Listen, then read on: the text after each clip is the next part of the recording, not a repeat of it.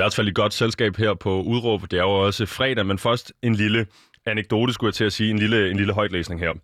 Det er nemlig juletid, og hele familien er samlet om bordet. Nede ved siden af morfar, der sidder din fætter, der læser biokemi og underholder med hans forventede startløn, når han efter næste semester er færdig med sin uddannelse. Ordet går videre, og nu er det din kusine, der fortæller om livet som studerende til erhvervsøkonom. Alle om bordet klapper i deres hænder og smiler med juleglæden skinnende ud af øjnene. Da hun har sat punktum, vender familien deres opmærksomhed mod dig. Du har allerede forberedt, hvad du vil sige om din drømmeuddannelse som psykolog, historiker, filosof eller religionsekspert, nemlig at studiet opfylder dig, og du glæder dig til at bidrage til samfundet med alle de nylærte goder. Men du når slet ikke at åbne munden for din onkel råber, prøv lige at forklare os, hvad det nu er med det der filosofi. Skulle du ikke til at få en rigtig uddannelse og bidrage til samfundet? Du tøver, men giver ham ret, og dermed gentager du et mønster, du efterhånden er blevet vant til, men fortsat er træt af.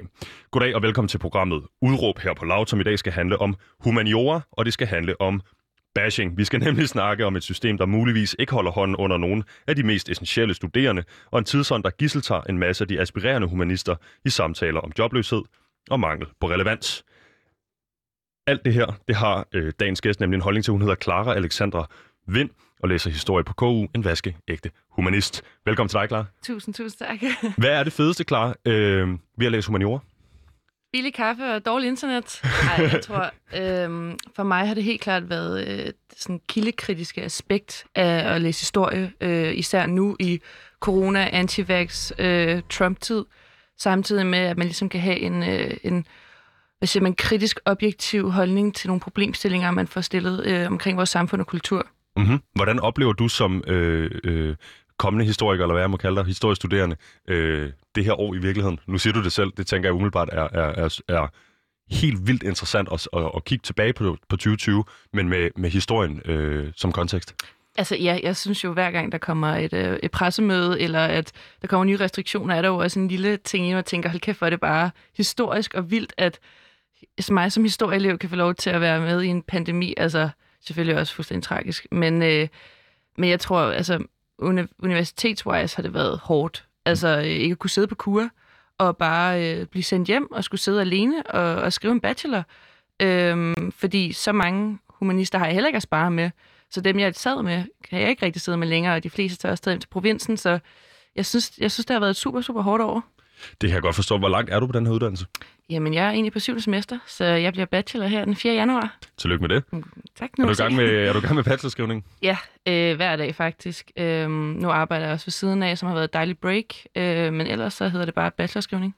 Og hvad er det for en arbejde, du har ved siden af? Det er i magasin. Super øh, rippy den her tid. Øh, var faktisk for arbejde her den anden dag, hvor vi bare blev stormet af alle, der skulle ind og have den sidste Kai Bøjesen og Gubilampe. Så rigtig hård aften. Får du øh, historiske flashbacks, når du, når du øh, kigger på sådan en arbejdsdag, som i forgårs der, med, øh, med, med statsministeren, der øh, de facto lukker landet ned, men først fra den 25. Altså, kan man nå at løbe ind i magasin og hente de julegaver, man havde bestilt over nettet? Altså ja, det har jo sådan et invasion-vibes over det, når man står der, og man lige pludselig kan se, at dørene bliver trykket ind, så man kunne da godt øh, sætte det på en god invasion eller andet, men... Øh, man kan jo ikke være at blive lidt sur på alle danskerne. Havde dem en lille smule, når de kommer løbende op, og man står og helt smadret i forvejen. det virker også åndssvagt. Øh, Udover øh, at, at, at kunne have øh, en stor værktøjskasse øh, inde i dit sind, hvor du kan øh, kigge på, når der sker øh, de her øh, historiske begivenheder, prøve ligesom at, øh, at, at kigge på, om det er historien, der gentager sig, eller hvorfor gør de det osv. Hvad er så det fede ved at læse historie?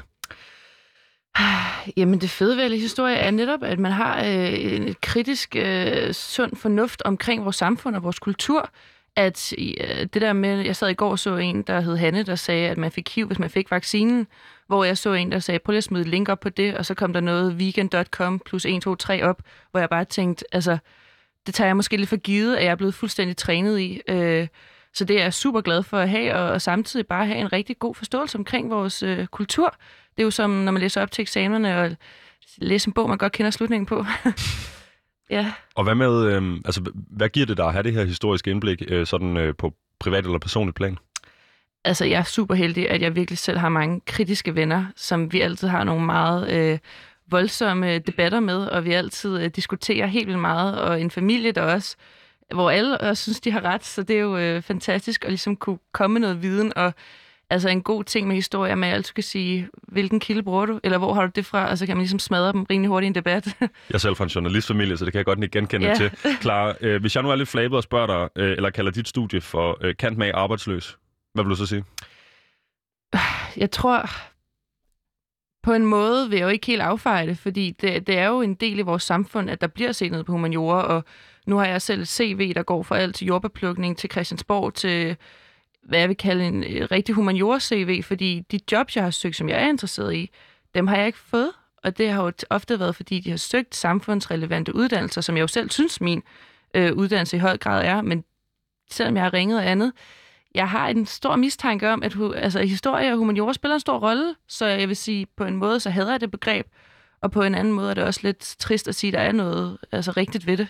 Er du bange for, at øh, der er for mange øh, humanister, der bliver uddannet til at fortsætte øh, kæden af humaniora ude på universiteterne, altså ved for eksempel at blive øh, underviser eller lektor derude? Nej, overhovedet ikke. Altså, øh, selvfølgelig kunne man godt have mere tværfaglighed og, og mange andre øh, retninger, men jeg tror, vi har alle sammen så forskellige tekst på, hvad humaniora er, og alle har en forskellig retning inden for humaniora. Altså, øh, alle har deres forskellige problemstillinger og fokuspunkter, så der vil altid være brug for human, humanister, vil jeg sige. Altså. Mm-hmm.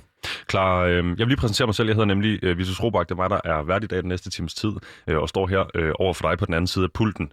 Øh, Udråb er jo Danmarks eneste ungdomsradioprogram, der hver dag giver en gæst en time til at få deres holdninger ud, og det gør vi for at kunne komme rundt i alle krone og blotlægge alle nuancerne. Men klar, vi skal jo høre om dine holdninger til livet på humaniora, fordom og virkelighed, øh, og så skal vi høre, hvad vi skal gøre øh, anderledes i fremtiden. Men vi skal jo lige øh, starte ved starten, øh, fordi vi opererer jo med et udråb i det her program, der indkapsler din holdning i forhold til dagens emne. Og hvad er dit øh, udråb i dag, klar? Stop humaniora-bashing. Stop humaniora-bashing. Øh, skal vi for en god ordens skyld lige få styr på begrebet bashing? Hvad vil det sige? Jeg vil sige, det er jo en, øh, en form for fordom øh, og jokes omkring øh, humaniora, som man jo hører i dagligdagen, at nu ryger det ud til alle de dumme humanister, eller kan arbejdsløshed eller andet. Altså, der, øh, det er de der stik, man får og bliver bashed med, når man sidder for eksempel, som du beskriver i scenen før, øh, at der er onkel i råber ind over bordet, og hvad fanden skal du egentlig bruge det til, ikke? Altså, altid have et forsvar klar. Mm-hmm. Altid have et forsvar klar. Yes. Jeg har haft øh, øh, en del øh, minoritetspersoner herinde, der oplever minoritetsbashing, altså for eksempel sådan noget som at blive slået ned på gaden, fordi man som mand går klædt i øh, det, man øh, kan kalde kvindetøj eller feminin påklædning. Mm. Det, det er ikke det, vi taler om. nej, nej, selvfølgelig ikke. Altså, jeg tror, øh, når jeg siger, at jeg læser historie, så er det nok mig, der mere står på baren klokken tre og råber en anden ind i hovedet, og lige skal fortælle mit syn på, på Irak-krigen, eller et eller andet sjovt, øh, eller synes, de er ubegavet, fordi de basher mig. Altså, nu er jeg så heldig, at jeg kan råbe tilbage. Øh, men ej, det, selvfølgelig kommer det ikke til det punkt, hvor der er nogen, der bliver slået. Det håber jeg ikke. hvordan, hvordan, øh, hvordan vil det lyde, hvis man bliver råbt tilbage øh, øh, af øh, Clara Alexander Vind? Øh, jeg tror, jeg vil sige, øh, mener du det? Er du dum, eller hvad? Altså, den helt klassiske, er du dum, eller hvad, har jeg brugt et par gange, og faktisk for ikke super lang tid siden. Øhm, og så tror jeg ellers bare, at jeg kommer med en helt fin uh, Google-søgnings lang tekst om, hvad som jeg lige gjorde før, hvad jeg egentlig synes, humaniora kan bruges til. Og så også lige sige, hvad kan du måske bruge dit studie til? Har vi ikke nok, der læser shipping eller something else? Altså... Ja. Hvor, hvor højt er tonelaget på sådan et, uh, en rebuttal der? Jamen, øh, jeg snakker altid rimelig højt. så det kan da godt være, at det er råbende stil og brøle lidt. Altså, ja. Mm, men det vil sige, at du, du føler, at du bliver humaniora-bashed? Ja, altså fuldstændig. Og hvem, og hvem siger du? Er det, er det kun dem fra CBS, eller er det dem fra øh, biotech og kemilinjerne? Eller? Det er alle. Det er lige fra polit, og øh, altså totalt shout-out til mine forældre, som altid har været der, altid har været støttende, men jeg har da også altid lige skulle høre på den der, nu skal du lige huske, hvad du kan bruge det til bagefter. Altså, du skal jo huske, at du kunne have et godt arbejdsliv og, og have en lovende fremtid og en, en god indkomst. Og altså, jeg siger jo altid, hvis jeg ville have en god indkomst, havde jeg måske ikke læst humaniora, fordi ja, den kan man jo lige så godt nogle gange tage over på sig. Men øh, det er for alle, altså vil jeg faktisk sige. Øh, jeg har heldigvis, synes jeg, at den ældre generation bliver bedre og bedre til at sige, gud, hvor spændende, eller det vil jeg da gerne læst, dengang jeg startede, eller mm-hmm. ja. Jeg vil sige, øh, på den her side af pulten, jeg... Øh jeg tror, mine forældre var så glade for, at jeg bare startede på en uddannelse. De var ja. ligeglade med, om det var humaniora eller ej.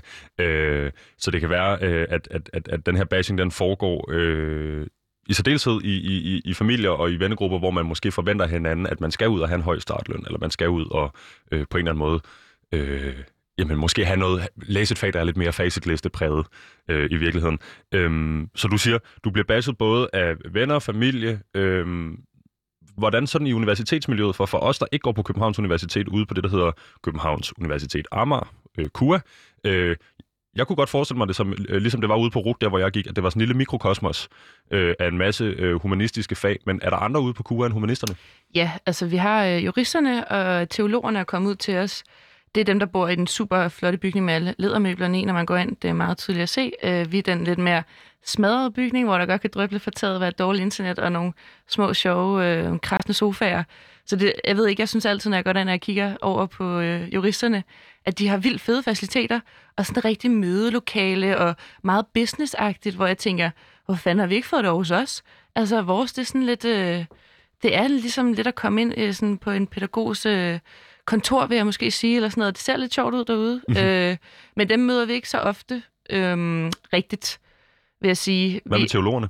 teologerne, dem har jeg også hørt eller læst, at de oplever rigtig, rigtig mange fordomme ude på kur også. Men de holder sig også over for sig selv sammen, juristerne.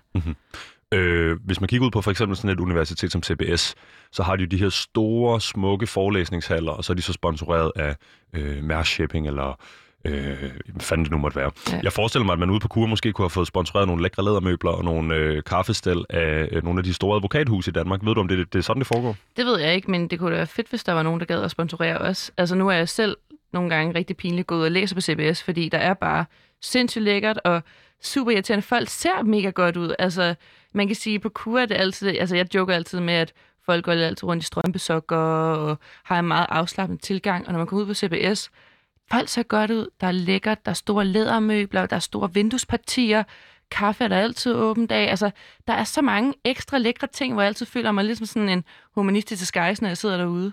Øhm, men det er jo sjovt. Det kunne være fedt, hvis Deloitte eller Mærsk eller øh, PVC nogle andre sagde, vi går ud og sponsor, øh, sponsorerer humaniora for at vise, at dem er der også plads til, og de kunne måske også få lov til at få en chance. Jeg, jeg skulle til at sige, hvis man øh, leder efter sponsorer til øh, lækre mødelokaler, møbler eller lignende, øh, hvor skulle man så kigge hen i humaniorverdenen? Hvem, hvem sidder med den store pengepunkt? Jamen, jeg har faktisk øh, fået forhørt lidt, at Deloitte ansætter ret mange humanister, fordi de har en lidt mere tilgang til, at det er mindre uddannelse, der betyder noget mere dine kvalifikationer. Så jeg vil da helt klart sige, altså det er jo de store, øh, måske forlag kunne jeg også godt, altså alle er velkomne til at øh, støtte moderbag, hvis de vil.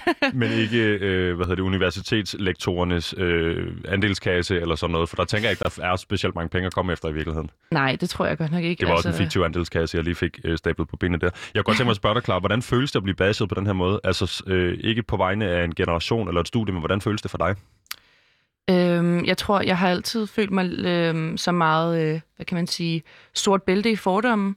Jeg har altid, jeg har gået på kostskole, jeg har gået på højskole, nu læser jeg humaniora. Øh, jeg har altid haft øh, fordomme med mig, og altid måtte forsvare dem, og øh, bare taget det som øh, en champ og råbt igen. Men jeg oplevede lige pludselig at skulle til nogle fester, hvor jeg tænkte, hold kæft, hvad gider jeg bare ikke skulle stå og forsvare mit studie igen. Mhm. Altså, at der står en helt rundkreds af folk, som øh, spørger super dumme spørgsmål, synes jeg. Øh, så jeg brugte lidt min, min humor til at, øh, at køre dem lidt ned med i stedet for, fordi det er jo det bedste, den bedste forsvarsmekanisme, man egentlig kan have. Og så tror jeg, i, øh, i sommer var jeg også til en fest, hvor der var en, der læste shipping, og hun, altså, det var som om, hun slet ikke kunne forstå det der med, at jeg læste historie. Det var sådan, at Nå, det var jo også lidt spændende at have i gymnasiet, og her er mit take på det, du skal skrive om, eller øh, prøvede nærmest at klappe i stavelser for mig, hvad det var, hun læste på CBS, som jeg ikke ville forstå det.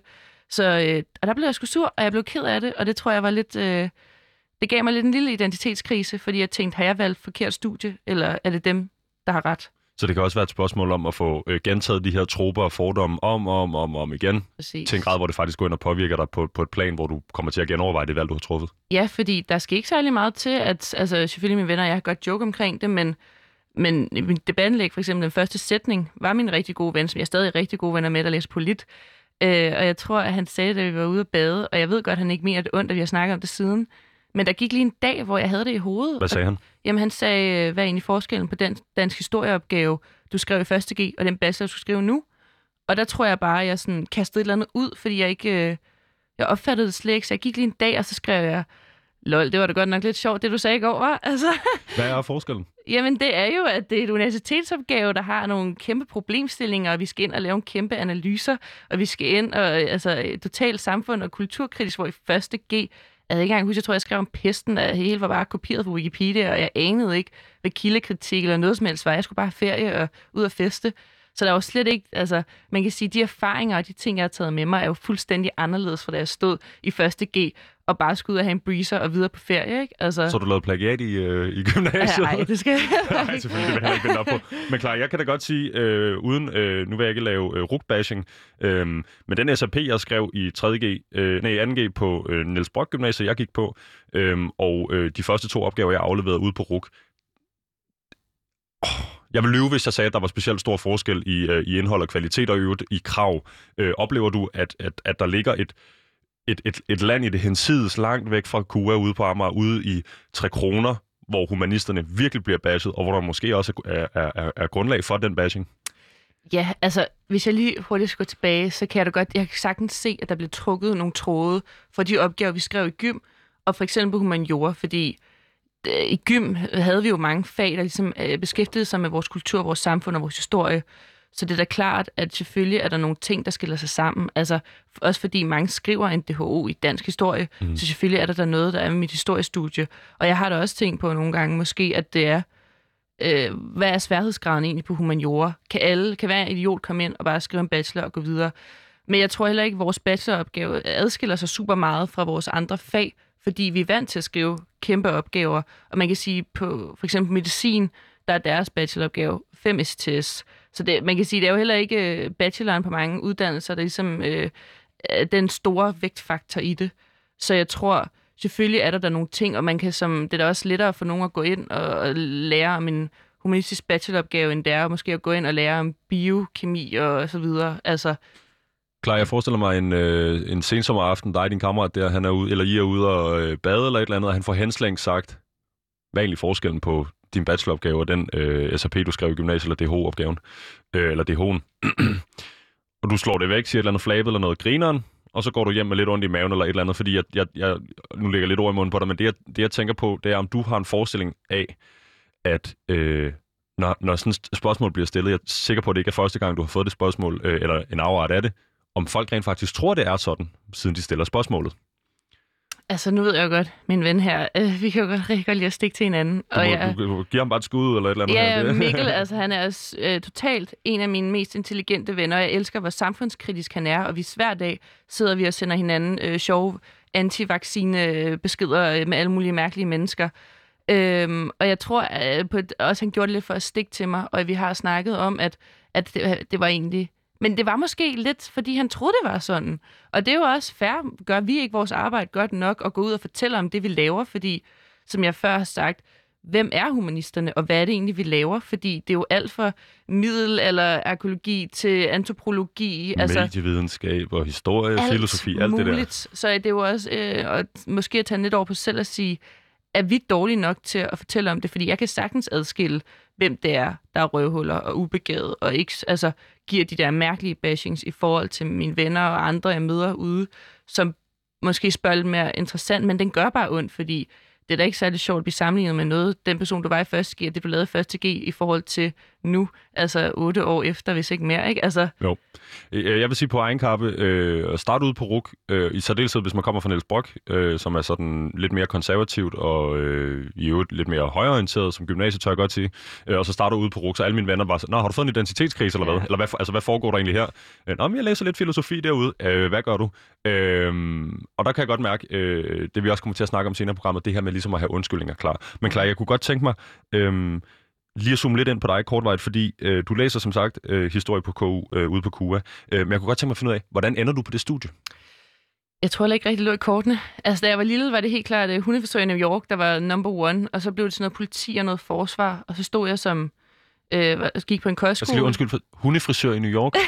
Kan du lige sætte på på det? Jeg ved ikke. Jeg tror, jeg har altid været glad for dyr, og jeg tænkte ikke, at jeg måske var super faglig dengang, så jeg tænkte bare, jeg skal bare have en hundebiks i New York, og så skal jeg klippe hunden. Kanon. Undskyld, hvad sagde du derfra? Øh, ja, så startede jeg på, øh, på en kostskole i gymnasiet, hvor at, øh, jeg bare gav den gas, og øh, slet ikke tænkte over min fremtid, og bare fyrede den. Øh, og så tænkte jeg, jure, det skulle jeg læse, fordi jeg kan godt lide at råbe højt, jeg kan godt lide at forsvare, jeg kan godt lide at argumentere og debattere. Øhm, og så tænkte jeg, okay, det bliver måske lidt for kedeligt alligevel. Så stod jeg i 2G øh, til sådan noget åbningshaløjse ude på CBS, øh, til kommunikation og nogle andre ting, hvor jeg sad derinde og var helt, øh, hvad laver jeg her? Jeg aner ikke noget. Jeg har fået 0,2 i alle mine naturvidenskabelige fag og 0,0 i matematik. Altså, det er slet ikke stedet for mig, det her. Men jeg vidste ikke, der var så meget andet. Jeg tog bare med alle andre ind og tænkte, CBS, here we go. Øh, kørte derfra med en endnu større identitetskrise og tænkte, nu ved jeg slet ikke, hvad jeg skal. Så ramte jeg 3.G og tænkte ligesom mange andre igen, hvad er det egentlig, jeg godt kan? Jeg kan godt lide at skrive, jeg kan godt lide at, at snakke og debattere og være lidt højlydt, og jeg er super nysgerrig, jeg ved en masse weird ting om alle mulige underlige facts, som andre måske ikke kan. Og så havde jeg en virkelig, virkelig god historielærer, som virkelig øh, fik spidset min interesse lidt mere til, og så tænkte jeg, okay, måske historie kan det da godt være. Og så var alle, nå, skal vi være lærer. Og jeg er måske det mindst pædagogiske menneske, der overhovedet kan finde, så tænkte jeg hurtigt, det skal jeg slet ikke. Hvis jeg vil lige hurtigt sætte en pen i, det starter faktisk allerede der. Du vil læse historie, og derfor bliver folks reaktion, Der Jamen, så vil du være lærer. badget, ikke? Altså, der kommer det allerede der, og så øh, øh, hørte jeg en ven, eller en veninde, der gerne ville læse journalistik, og hun sagde, at hun har gået på højskole. Og der var jo alle fordommene op, fordi jeg gik på en kostskole, og dem, der gik på højskole, det var dem, der havde klippet deres hår af og doneret det og solgt det, og jeg ved ikke hvad. Så der tænkte jeg med det samme, okay, det lyder sketchy. Men fair nok, så startede jeg, og der var alle mine venner, eller mange af mine venner, var, synes det var super underligt og sidder I bare ude og spiller guitar. Øh, og ja, det gjorde vi, og det var mega fedt. Øh, alle fordommene holdt, og det elskede jeg. Men jeg fik også set den der øh, måde, man kunne bruge journalistik og humaniora sammen. Da jeg var til valget i USA, stod jeg på Times Square, da Trump han blev valgt. I 16, Ja. så var vi der sammen. Er det rigtigt? Nå, for ja. sjovt. ja, men der, der stod jeg der og tænkte, folk kan simpelthen ikke være så ubegavet, at de stemmer på ham. Jeg kunne sagtens øh, bruge noget humaniora, tænker jeg tilbage på nu, hvor jeg stod og tænkte, jeg kan godt se det på nogle punkter, helt objektivt. Hvis man skal tage de kriser og andet, det er jeg jo så blevet så klogere på siden, at der kommer, altså det har vi jo oplevet før, med alle former for diktatorer og andre store ledere. Altså, det, det er, hvad der sker, når, når folk er krise. Men der tænkte jeg, okay, jeg vil rigtig gerne i journalistik. Det bliver jeg nødt til, fordi jeg vil gerne ud og fortælle folk om, hvad der er, der sker, og jeg vil gerne fortælle dem på en lidt mere historisk og samfundskulturel måde. Og så øh, tænkte jeg, hvorfor tager jeg så ikke en akademisk uddannelse først? Og så øh, startede jeg på historie. Er det stadig drømme at blive journalist? Ja, det er det. Og jeg håber på at måske kunne søge ind på noget journalistikhøjskole, eller journalisthøjskole eller andet bagefter. Øh, men efter så startede jeg på politikens debattør- og kritikerskole, fordi jeg skulle have nogle flere ting med CV, fordi det har været meget øh, blandet, det jeg har lavet med humaniora, fordi det har været svært at få et job. Og det har det. Men det vil sige, det bliver også en virkelighed for dig, at øh, din øh, uddannelse alene kommer ikke nødvendigvis til at kunne øh, klare øh, ærterne for dig, når det kommer til arbejdsmarkedet. Du bliver nødt til ligesom at spække det her CV op med noget andet. Fuldstændig. Må jeg lige spørge dig, klar, mens vi er på det her med historie. Har du så ligesom en, en, en yndlingshistorisk periode, eller øh, et eller andet, du virkelig brænder for øh, på det her studie? Altså, jeg tror, jeg var meget øh, krigsmindet på et tidspunkt. Jeg, jeg, I det hele taget kan jeg egentlig godt lide alt, der er lidt voldsomt og makabert, og som måske får de fleste til at krumme tær. Så er du måske også øh, fan af Første Verdenskrig, ligesom mig? Ja, ja, men jeg vil sige, at jeg er mere til 2. verdenskrig, og måske det er lidt mere moderne, øh, eller sådan mere øh, samfunds- øh, og nutidshistorie. Du nævnte selv Irakkrigen tidligere. Ja, øh, men jeg vil sige, det der er med historie, det er, at det jo ikke kun er, øh, vi sidder ikke kun og lærer om gamle konger og det osmandiske, altså det har jeg virkelig synes var irriterende på historiestudiet, det var, at jeg kun kunne vælge mellem øh, det antikke Grækenland eller det osmandiske rige, hvor jeg tænkte, okay, men kan vi ikke lige prøve at køre noget mere nutidigt, så vi kan have sådan en lidt mere, øh, hvad kan jeg bruge det til nu? Mm-hmm. Fordi jeg er da super glad for, når vi spiller bedserviser, når vi har store debatter og alt muligt andet, at jeg har en helt vild fed baggrundsviden, når jeg har læst op i, jeg ved ikke hvor lang tid på nogle eksamener, og kan hele den danske historie, men jeg ved heller ikke alt, og jeg vil gerne have noget mere øh, nutidigt, så jeg kan se, hvordan jeg kan bruge det. Og det tror jeg egentlig, jeg fik på dansk studiet, da jeg havde tilvalgt dig. Der oplevede jeg at være inde at øh, have et fag, hvor vi simpelthen skulle analysere de digitale eller de sociale medier, hvor jeg øh, skrev en eksamensomkring, øh, eksamensopgave omkring Statens Museum for Kunst, og hvordan de brugte deres sociale medier til at, ligesom at få kunder og besøgende. Og der tænkte jeg virkelig, wow, nu kan jeg virkelig se, hvordan jeg kan bruge det. Altså, det er jo det, er det her, folk arbejder med, der er stillinger til det her, og der fik jeg virkelig en, øh, en fed måde at se, hvordan at mit øh, humanistiske hvad kan man sige, afsæt kunne få spil i vores samfund. Mm-hmm. Og blod på tanden simpelthen. Fuldstændig. Klar, øh, du melder dig jo på banen med det her debatindlæg i... Er det i går? Er det forgårs? Øh, nej, torsdags. Torsdags? Hvad er det i dag? Fredag? Det er i går? Det sidste uge? Sidste uge, Sidste ja. uge, ja. Øhm, det er rigtigt. Og øhm, jeg tænker, man skal jo nå et andet sted hen, før man øh, vælger at, at, at, at gå ud og i, i, jeg tror det var i politikken, du bliver øh, udgivet, øhm, tage bladet fra munden og ligesom begynde at kæmpe den her sag. Øh, nu nævner du selv debatskolen. Øh, er det her igen en CV-ting, øh, eller, eller hvorfor er det, du vælger at gå ud og, og udtrykke den her frustration? Altså øh, selvfølgelig med, med øh, debattørkritikerskolen har vi skulle skrive nogle, øh, nogle indlæg, og det har været for mig ikke øh, som sådan hjertebørn hele vejen igennem. Det har været lidt forskelligt, eller forskelligt i Yemen og Lotto og Københavns øh, natteliv, hvor jeg tænkte, at jeg vil virkelig gerne afslutte med at skrive noget, jeg brændte for, fordi modsat andre, så kan jeg godt lide at råbe op. Og jeg har ikke noget imod, at folk smider tilbage i hovedet på mig. Jeg synes, det, det er fedt at kunne, øh, at kunne ryste nogle meninger lidt. Så jeg skrev det her og viste det til min gruppe, som læste øh, farmaci, og de læste statskundskab og polit øh, næ, øh, på CBS, øh, og de var bare lidt chokerede. De vidste slet ikke, at det var sådan, det foregik. Det er jo klart, det, det er deres uddannelse, der basher mig, så det er jo klart, at man ikke altid kan se det. Øhm, men hvor jeg tænkte, nu vil jeg så gerne øh, afslutte med noget, jeg virkelig er glad for, og det er humaniora, og det er kur, og det er historie, og det har det ikke altid været. Altså, nu var jeg super ked over, at over, øh, universitetet lukkede ned, og vi skulle væk derfra. For et år siden havde jeg måske håbet på det. øh, man skal passe på, hvad man ønsker sig. Men jeg tror helt klart, at min glæde er kommet øh, lidt sent på kur, fordi at det måske er der, jeg først selv har oplevet at kunne sige fra, og egentlig huske, hvad det er, jeg godt kan lide ved min uddannelse. Mm-hmm. Så det var også lidt at forlade kur med et bang og sige, jeg respekterer alle, der går der, og jeg vil virkelig gerne have et ordentligt brøl med ud, fordi de næste, der skal gå der, får det nok også på den her måde. Okay, så det er også noget med at, at, at, at give faklen videre på en eller anden måde, men på, øh, i politikken. Hvad hedder det? Jeg ved også, du har en, en, øh, en noget besynderlig oplevelse fra Canada, øh, som leder op til det her. Vil du prøve at forklare mig, hvad det er, der sker derovre? Ja, altså jeg var på øh, udveksling øh, forrige semester og kom hjem i julen i en corona, og øh, det var jo mega fedt. Hold kæft, det var sjovt at gå på det der øh, total unilife, der er over øh, i Canada. Starbucks i øh, Fuldstændig. og... Øh... Jamen over det hele, og kæmpe campus, og jeg boede med syv piger i et villa-kvarter, hvor der bare var øh, cake parties hver eneste aften i baghaven, og jeg blev også løftet op og stod med benene i vejret og skulle bunde øl. Og, det var så grineren. Og så øh, har vi sådan en... Øh, øh, jeg kan ikke engang huske, Office Ho and CEOs, totalt ikke særlig... Øh, woke. Ja, overhovedet ikke woke. Øh, fest øh, i vores hus, og der er 150 mennesker, og jeg står og fyrer den dansegulvet, og så er der en, der siger, du ved, råber sådan ind over, hvad er det egentlig, du læser? Og så råber jeg history, og at jeg havde antropologi derovre. Og så siger hun, wow, you're one of the smart ones. Og jeg er sådan, øh, nej, altså, jeg læser historie, sagde jeg. og så var hun bare sådan, yeah, you're one of the smart ones. Og så tænker jeg bare, okay, øh, vi skulle heller ikke så woke derhjemme, fordi herover er jeg egentlig klog. Jeg er altså the smart ones. Fordi du læser humaniora? Ja, og det havde jeg aldrig, altså det tror jeg aldrig nogen, der rigtig har sagt til mig. Altså skal det forstå sådan, at man i, i det der, på det der college campus har været en af the smart ones på humaniora-linjerne, og så måske bare en af the boring ones på tech-linjerne, eller hvordan? Altså jeg tror, øh, det er jo et helt andet uddannelsessystem, der fungerer derovre, så man kan sagtens læse til ingeniør, og så tage nogle fag på historie, så man kan totalt vrage og øh, vælge mellem alle fagene. Så jeg tror, der er en meget... Øh, det er jo dyrt at læse ingeniør og andet. Altså det koster jo det videre en 50.000 dollars bare for et semester eller mere. Så det er jo, det er jo meget øh, taktisk, hvad det er, de vælger. Og de har ikke sabbatår, og det handler om at starte med det samme, køre stort studielån, og så bare have en uddannelse, der kan sikre dig et godt job med gode lønninger. Og man kan sige, jeg tror endda, at dekanen for hele der Universitet havde en øh, master i historie bag sig, og var mega sej, og havde selvfølgelig gået på sådan noget Brown University og nogle store Ivy League-steder. Men der var en ret stor respekt i det, fordi der gik rigtig, rigtig mange øh, på ingeniør og på medicin, fordi det var ligesom der skulle ud og sikre dig jobs.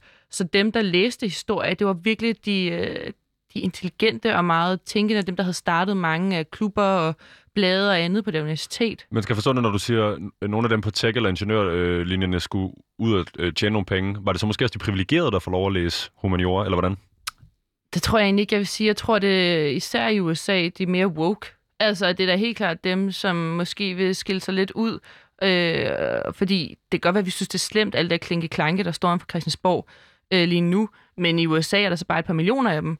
Så man kan sige, det er da også helt klart dem, der er lidt mere... Øh, Ja, de kan jo kombinere det. Så kan du tage en, øh, en major ved siden af i øh, business og et eller andet andet. Det er jo det, der er så fedt, at det er så tværfagligt, og du kan vælge at vrage mellem alt. Mm-hmm. Og det vil jeg egentlig ønske, vi havde lidt mere af på i det hele taget i, i Danmark. Det har vi brug.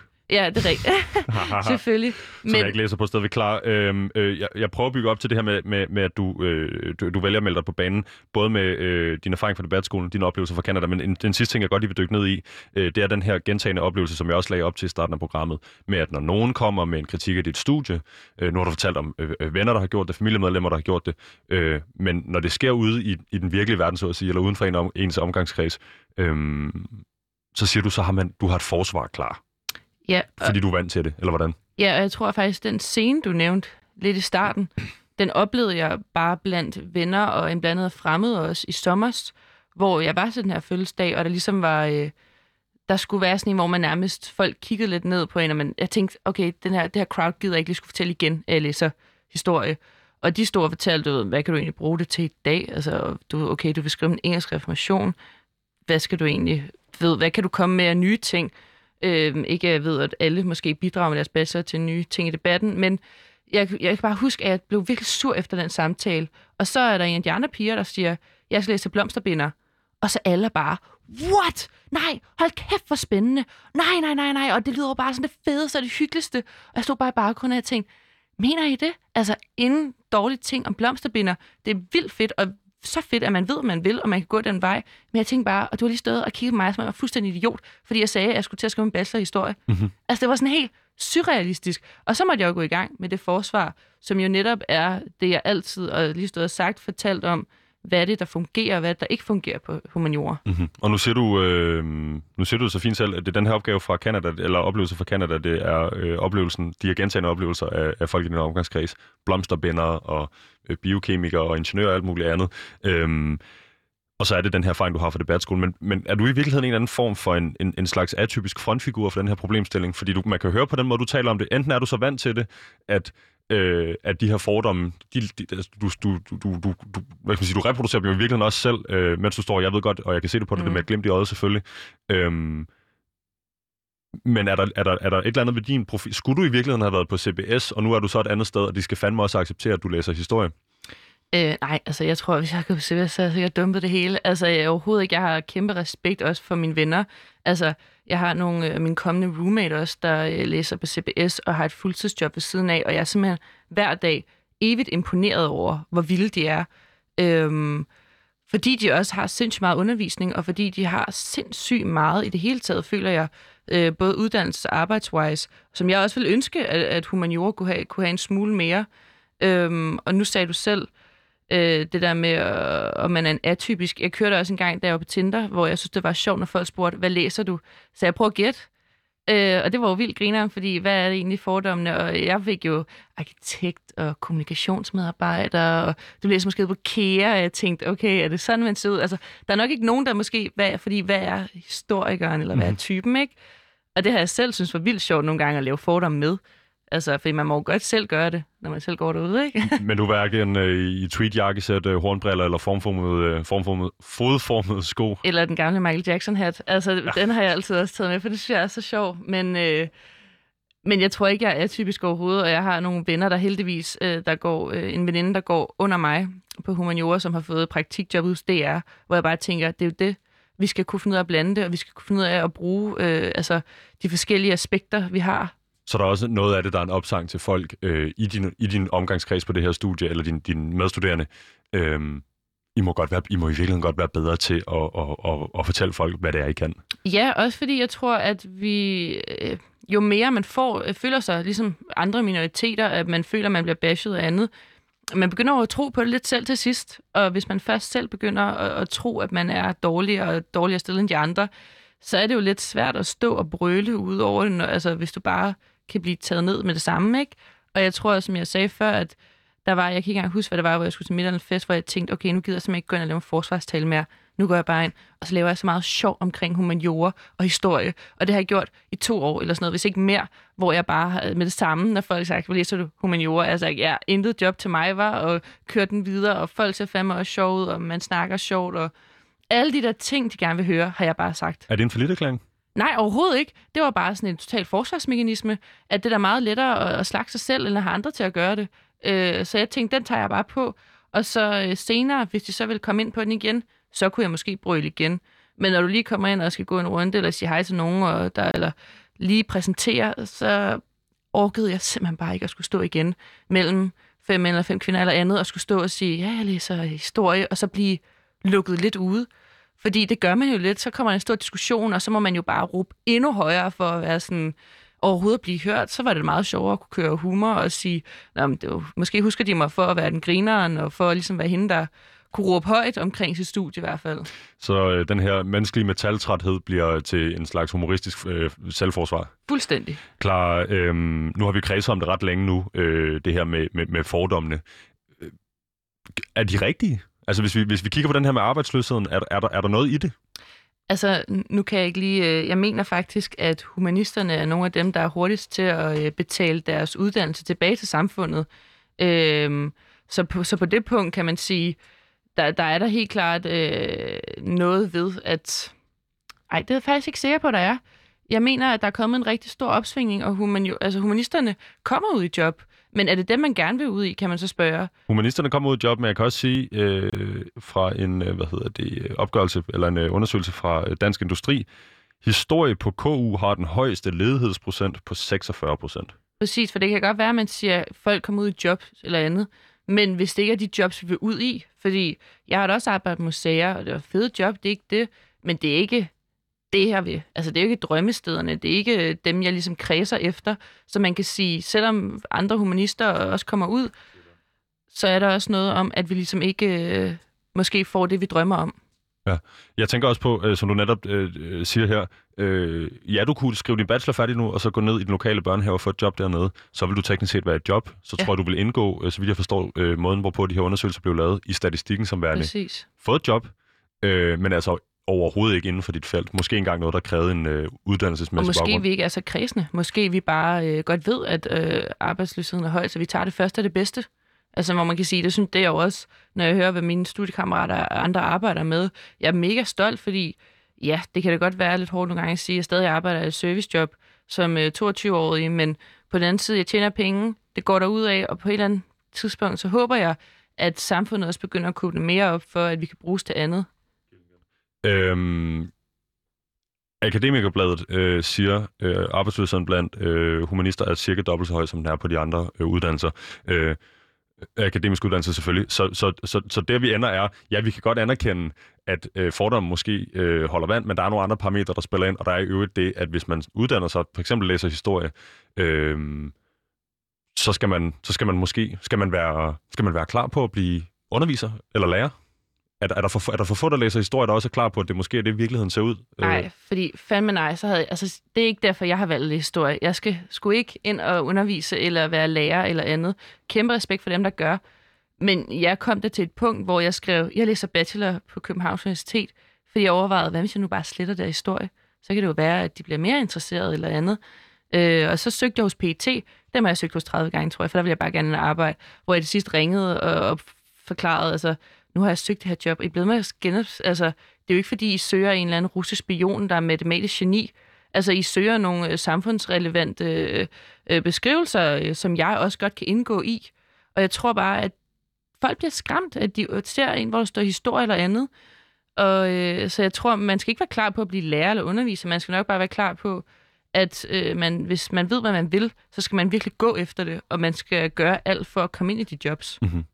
Jeg tænker, hvis man øh, ikke læser humaniora, så har man måske ikke øh, stået i de sko før, hvor man skal ringe ind for at sige til nogen, Hallo, jeg er relevant. Ja. Hvordan føles det? Nej, det var, det var faktisk, ja, jeg ved ikke engang, hvad jeg vil sige, sjovt. Jeg tror bare, jeg ringede og øh, snakkede med chefen og sagde, jeg forstår simpelthen ikke, øh, hvorfor jeg gang på gang ikke kan få lov til at komme videre en ansøgningsrunden, for jeg kan jo se genopslår øh, jeres opslag. Og, og så sagde han, okay, men så fortæl lige på 15 sekunder eller sådan noget, hvem du er. Og så hørte jeg stadig heller aldrig noget. Og jeg har ringet mange gange op til dem, hvor at, øh, jeg har også fået at vide før, at der er der også noget med ens uddannelse, der ikke, at man ikke er en kvalificeret ansøger eller andet. Og selvfølgelig kan det da også godt være, at det er mine kompetencer, der ikke er gode nok. Men hvordan skal man få erfaring, hvis folk ikke gider at ansætte mig? Jamen, du, man kan sige, du virker jo ikke skræmt af dig. Altså, er du, er du nervøs, når du laver sådan en opkald her? Ja, ja, nogle gange vil jeg da helt klart sige, fordi jeg tror, at det kan være svært at totalt pinpoint, hvad er det, din uddannelse gør, at du kan i forhold til det her andet. Fordi, altså, jeg tror da, at man som de fleste, når man kommer ind i et job, som er OK administrativ og studiejobsmæssigt, som ikke er, du ved, direkte ud til dem, der læser medicin eller jura eller andet, så er det jo noget en omgang at blive sat ind i. Altså, det er jo så mange andre studiejobs, hvor jeg tænker, prøv, altså worst case, så fyr mig.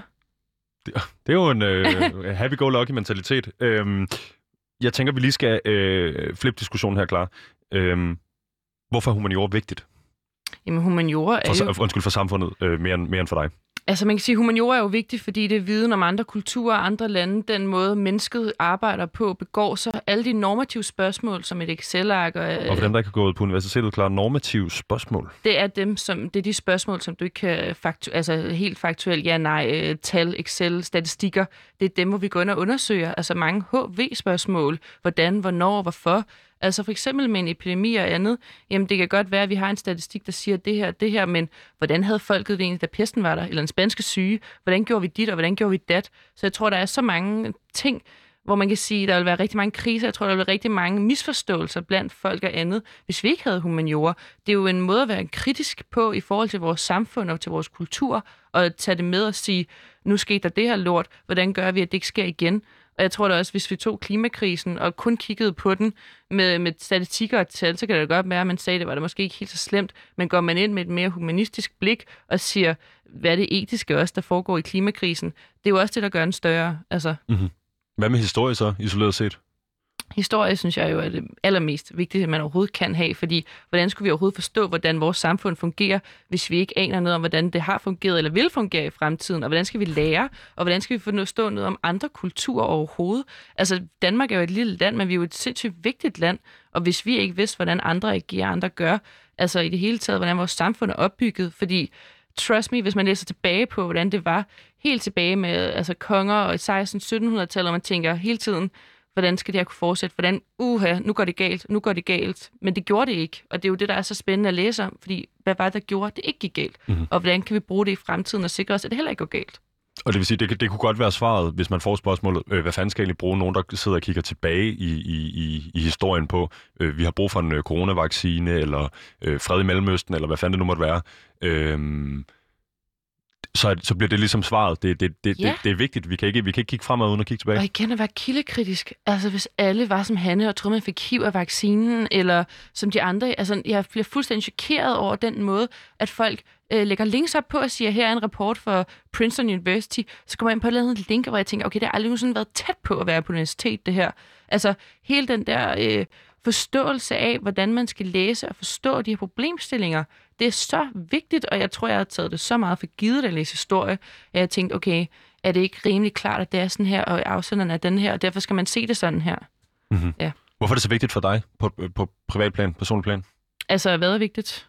Øh, humaniora. Nå, jamen, øh, man kan sige, at jeg er jo så heldig, at jeg også er vokset op med, min med mor og min bror, der også har begge, eller min bror har læst kunsthistorie, min mor hun har også læst øh, ude på humaniora, og jeg kan jo mærke den måde, vi diskussioner på i forhold til min, min fars måske lidt mere firkantede konservative venner, at, at det er jo fede diskussioner, vi har, fordi det er jo for alle mulige synspunkter, alle mulige problemstillinger, alle mulige punkter, altså øhm, evnen til at kunne sætte sig ind i andres synspunkter øh, og steder og kunne diskutere derfra.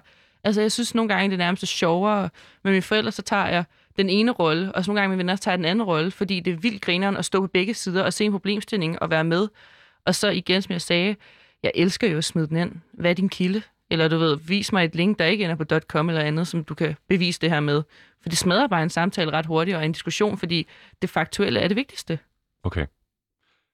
Klar, jeg ved også, at øh, hvis du er på syvende semester nu, så har du oplevet øh, højst sandsynligt de her øh, sparerunder, der har været på, på, på universiteterne.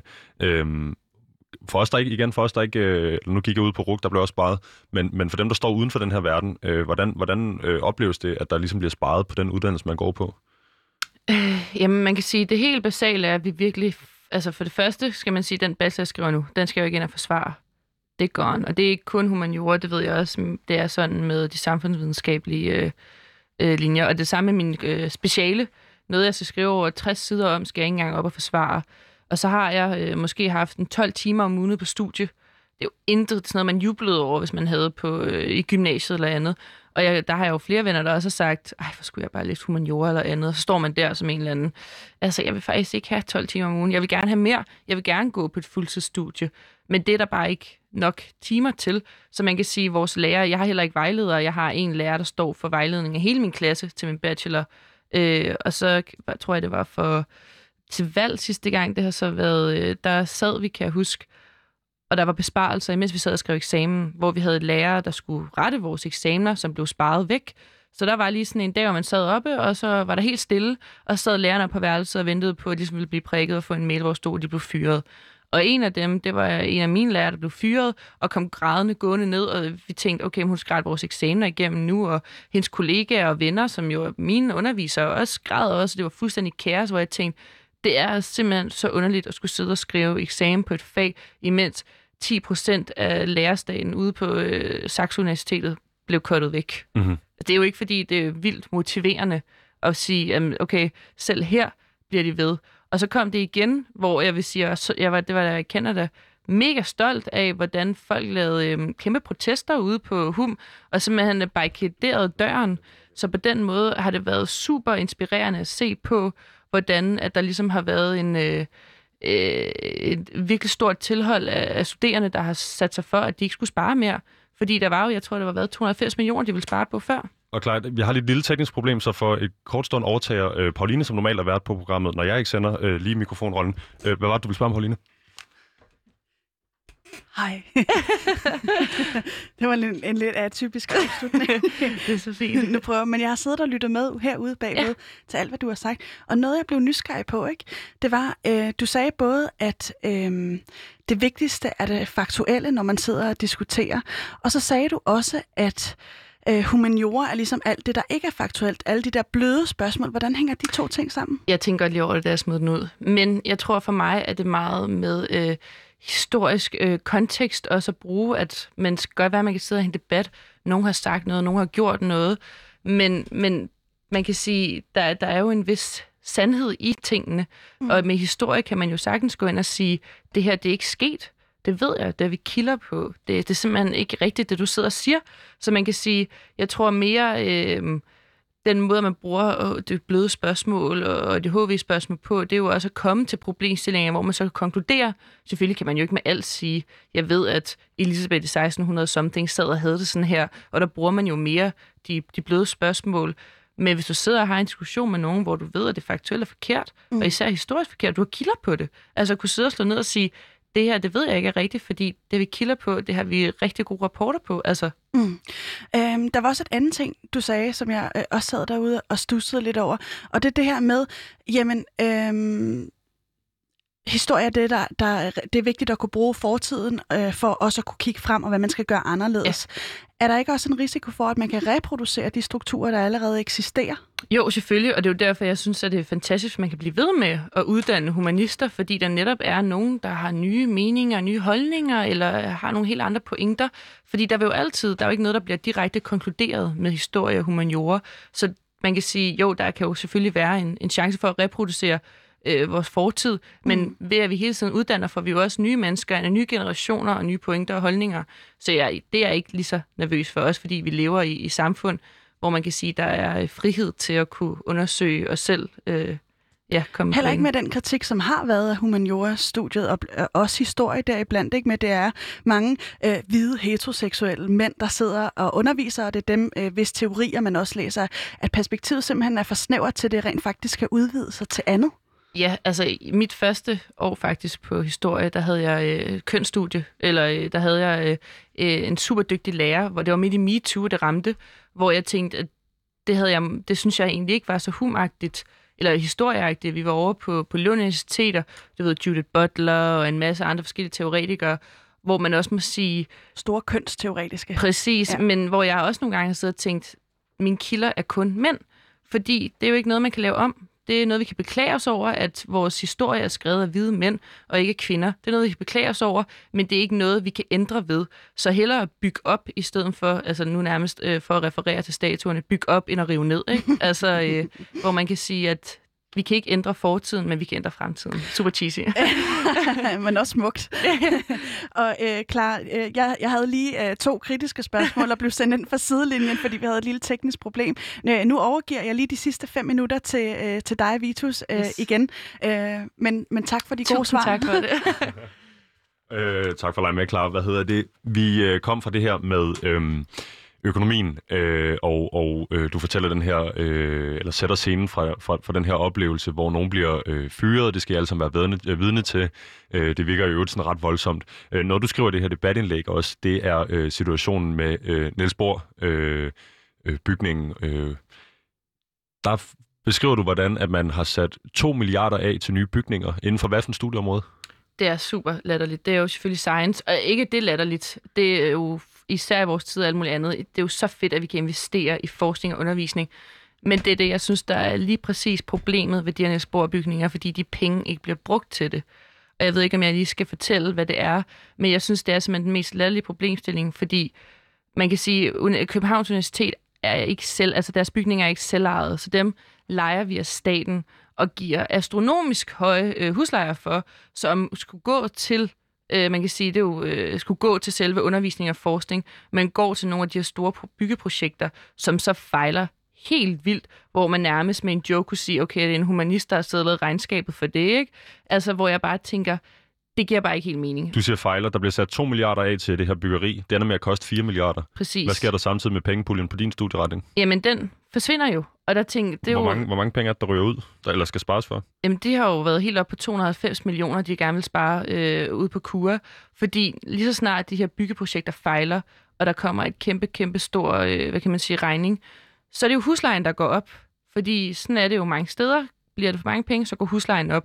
Og det er jo de penge, vi får igennem øh, skatten, som der skal gå til det. Og man regner med i 2030, øh, eller i 2030, at der kommer til at være 30 procent af de skatter, vi får til universitetet, som skal gå på ren husleje, penge, som kunne gå til forskning, kunne gå til undervisning, men som i stedet for bliver spildt på byggeprojekter, som jeg håber kan komme til at give mere til science og kan lave nogle super lækre ting, men det var simpelthen bare, fordi jeg søgte forbi og tænkte, er det det derinde?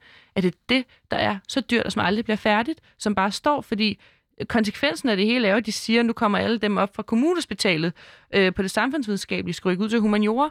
Og jeg synes jo, selvfølgelig kan vi godt udnytte øh, mange af de lokaler og mange af de bygninger, vi har ude på kur, men der er simpelthen ikke plads til os alle sammen. Der er næsten ikke engang plads til os. Så øh, endnu, endnu en øh, fortælling, eller endnu et narrativ, der bygger på, at I bliver nedprioriteret, mens den anden studieretning bliver, bliver prioriteret i højere grad. Og jeg vil jo ikke øh, lave krig mod science eller andet, fordi de er sindssygt dygtige og, og, og sig selv, men det er bare lidt hårdt at sidde og se på, at alle de penge, der går for de byggeprojekter, gør huslejen stiger, og der bliver, derfor bliver nedprioriteret undervisning. Nemlig, og klar, øh, nu har du bragt øh, den her øh, kritik for dagen øh, i dit debatindlæg i politik. Nu står du her og har øh, fremført, en, øh, fremført en, en, en, en savlig argumentation for, hvorfor det her ikke er fedt. Øh, har du løsninger til det her problem? Vi har blot øh, to minutter tilbage i programmet, men øh, hvad, er, hvad er din go-to-løsning på det her? Jeg håber, vi kan blive mere tværfaglige. Altså, humaniora er jo ikke... Jeg synes ikke, humaniora altid er bedst i sig selv. Humaniora fungerer jo fantastisk med andre fag og med andre retninger. Så jeg vil ønske, at vi kombinerer det noget mere. Og jeg vil også synes, at vi kommer mere på gymnasierne og snakker om, hvad er det egentlig, humaniora kan. Fordi lige nu så ser vi det som de der A-fag, som der ikke er nogen, der gider her, og ikke nogen, der lider, som gider at holde fast i ude på øh, gymnasierne. Så jeg håber, at vi kan lave noget mere tværfagligt. Vi kan få dem inkluderet mere, og vi kan fortælle om, hvad kan du egentlig blive, når du læser historie.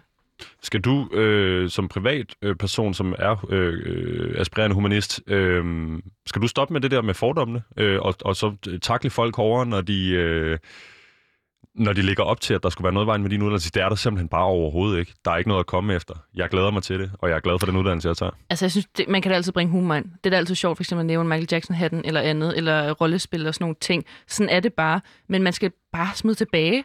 Altså, hvad fanden er det, din uddannelse egentlig kan? Hvad kan du måske bidrage til? Er der ikke allerede, ved ikke mange tusind øh, jurister?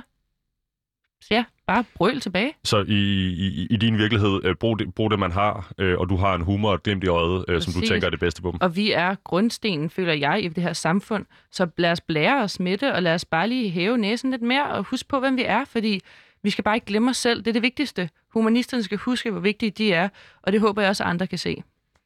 Klart, det var en rigtig, rigtig øh, fin afslutning på programmet. Jeg vil lade det være øh, det sidste ord i den diskussion. Jeg vil sige tusind tak, fordi du kom i dag. Tusind tak, fordi jeg var med. Og øh, så vil jeg sige til lytteren derude, du har lyttet til Udråb med mig, Visus Robak, og for en kort stund Pauline Kloster her på Radio Loud.